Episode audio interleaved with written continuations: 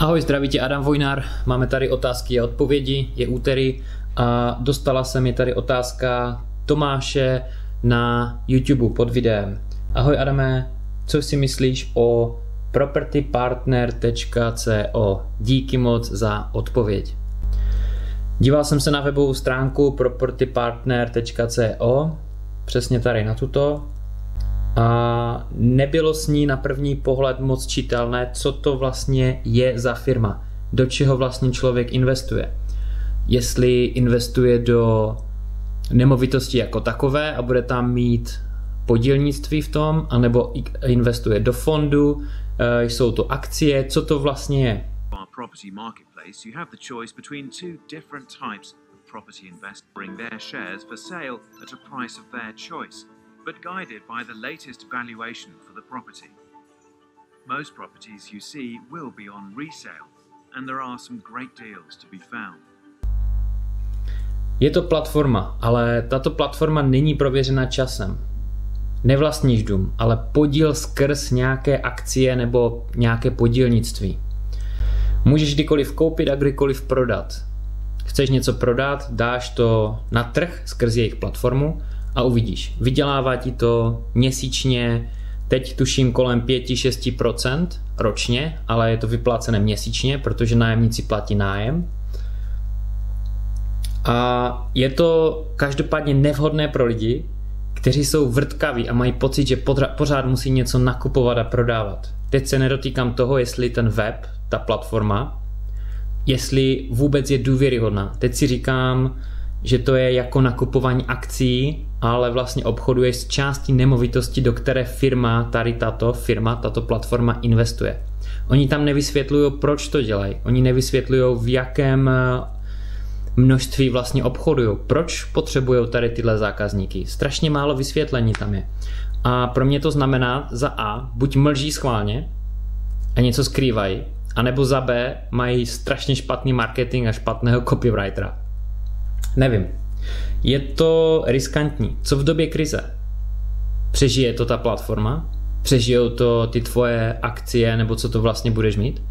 Neříkám, že to je špatné, nemusí to být hned špatné, to v žádném případě.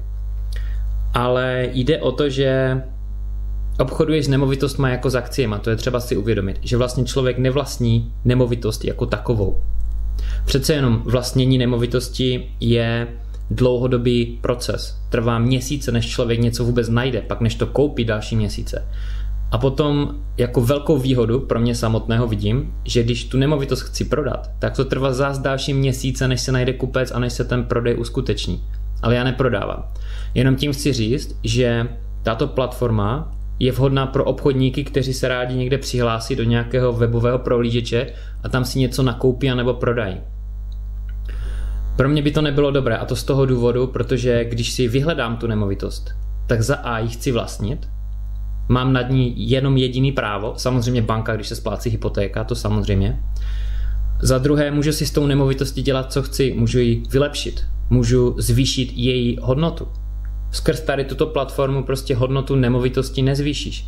Tam pošleš akurát třeba pár tisíc liber, nevím, jaká je minimální hodnota, minimální částka, do které můžeš investovat, nevím pošleš pár tisíc liber a čekáš. A ty peníze ti třeba kumulují 5, 6, někdy 7% ročně. Proč ne? Může to být dobrá alternativa pro ty, kteří mají pouze našetřené nějaké minimální množství peněz a nemají na to, aby si koupili nemovitost. A ch- nebo chtějí diverzifikovat.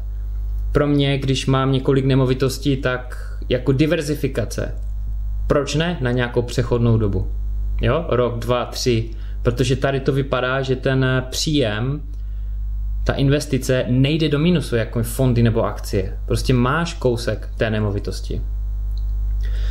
Ale nedával bych tam třeba víc než 5 nebo 10% svých volných peněz. To v žádném případě. Vidím to jako rizikovou záležitost.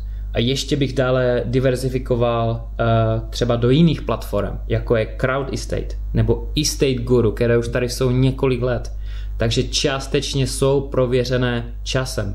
Tyhle dvě platformy, které jsem teďka zmiňoval, Estate Guru anebo Crowd Estate, pochází z Estonska, Stalinu a slibují od 10 do 16% návratnost tvojí investice ročně. A některé investice vyplácí tady tyhle procenta na měsíční bázi, protože se investuje do uh, nemovitostí, do developerských projektů. A doporučil bych to ještě možná, doporučil bych to ještě zdiversifikovat přes REIT fondy, Real Estate Investment Trust. To jsou fondy, které jsou specifické tím, co nabízejí. Oni investují do nemovitostí a musí vyplácet kolem 80 nebo 90% svých příjmů, které vytvoří, musí vyplácet podobou eh, ve formě dividendu svým investorům. To je dané zákonem, jinak by to nemohly být REIT fondy. Je jich jenom několik desítek na světě, možná 70, 80, jo? Není jich stovky nebo tisíce. Takže jsou prověřené časem. Takže určitě bych většinu peněz, tak to vidím já, je to můj názor, většinu peněz vyhledám si nemovitost, tu si koupím, tu si vylepším, tu ovládám, vím, jak tu cenu můžu uh, navýšit. Vyjednávám prostě s estate agentama, jo, co mi tam hledají zákazníky, hledají nájemníky. Mám větší zprávu nad tím, co se vlastně děje. Tam většinu peněz investuju.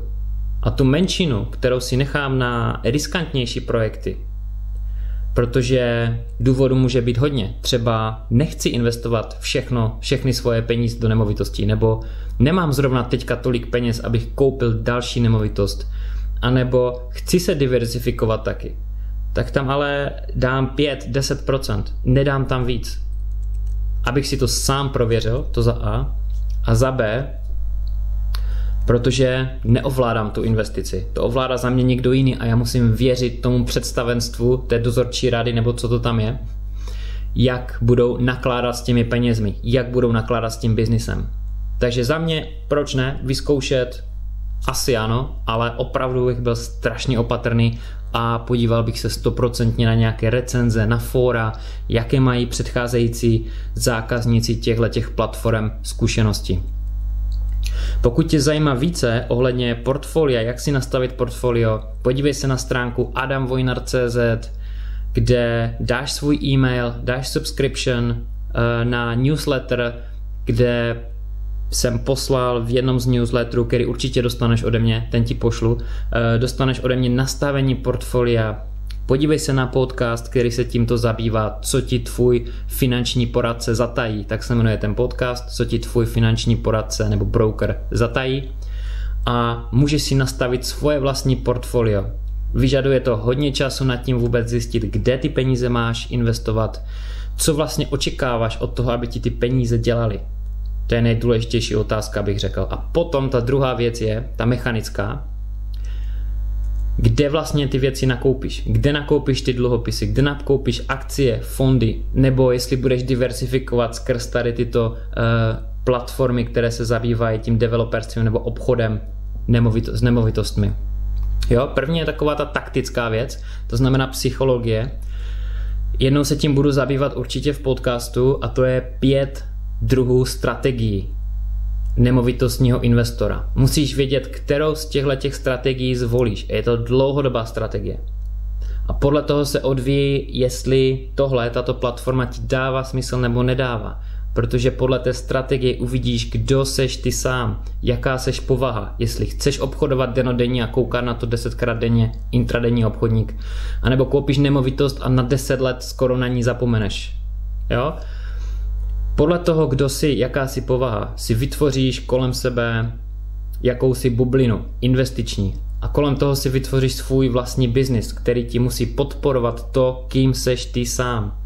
Jestli potřebuješ být mezi lidma, určitě nebudeš zavřený doma sám, jako já teďka nahrávám toto video, ale budeš mezi lidmi, budeš mít kancelář, budeš obklopený třeba svými zaměstnanci nebo kolegy a budeš mezi nimi rád. Jo, každá povaha vyžaduje jiný přístup a to samé se týká i investic.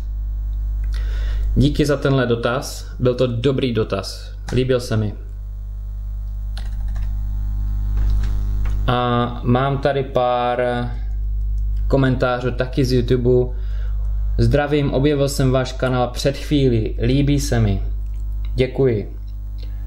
Uh, parádní video. Věž nějaké dobré audioknihy?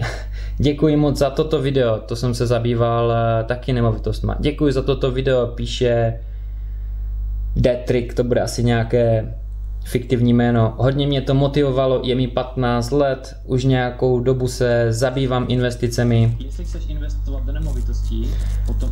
Napsal to pod video s Nelou Kubasovou, kdy jsme se bavili o nemovitostech. Děkujeme za toto video, hodně mě motivovalo, je mi 15 let, už nějakou dobu se o tyto věci zajímám, chodím na brigádu, abych si vydělal nějaký ten peníz a uvědomil si hodnotu peněz. To je hodně chválihodné.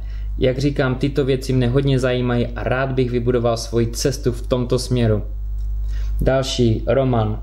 Díky za super video, dobře se posloucháte, paní řekla pár chytrých rád, co mě ani nenapadlo. Tohle je jenom pár referencí na YouTube kanálu. Odezvy vlastně na podcasty eh, s mými hosty, kde se zabýváme investicemi do nemovitostí, do akcí a vůbec příběhy toho, jak lidi zakládají svoje podnikání, svoje biznesy. Já vám za to moc děkuju a pokud máš zájem poslat mě dotaz, podívej se na YouTube kanál Adam Vojnar Anglie, Adam Vojnar s dvojitým V, nebo mi ho pošli na Facebook přes Messenger, anebo Instagram. Díky za poslech tohoto videa, nezapomeň se dívat nebo poslouchat ve čtvrtek hlavní díl podcastu každý čtvrtek na Spotify, Apple Podcast, Google Podcast nebo na Soundcloudu se dají poslouchat rozhovory s mými hosty. A nebo každé úterý odpovídám na dotazy z publika, dotazy z komunity, kterou zajímají investice. Díky za sledování, ahoj.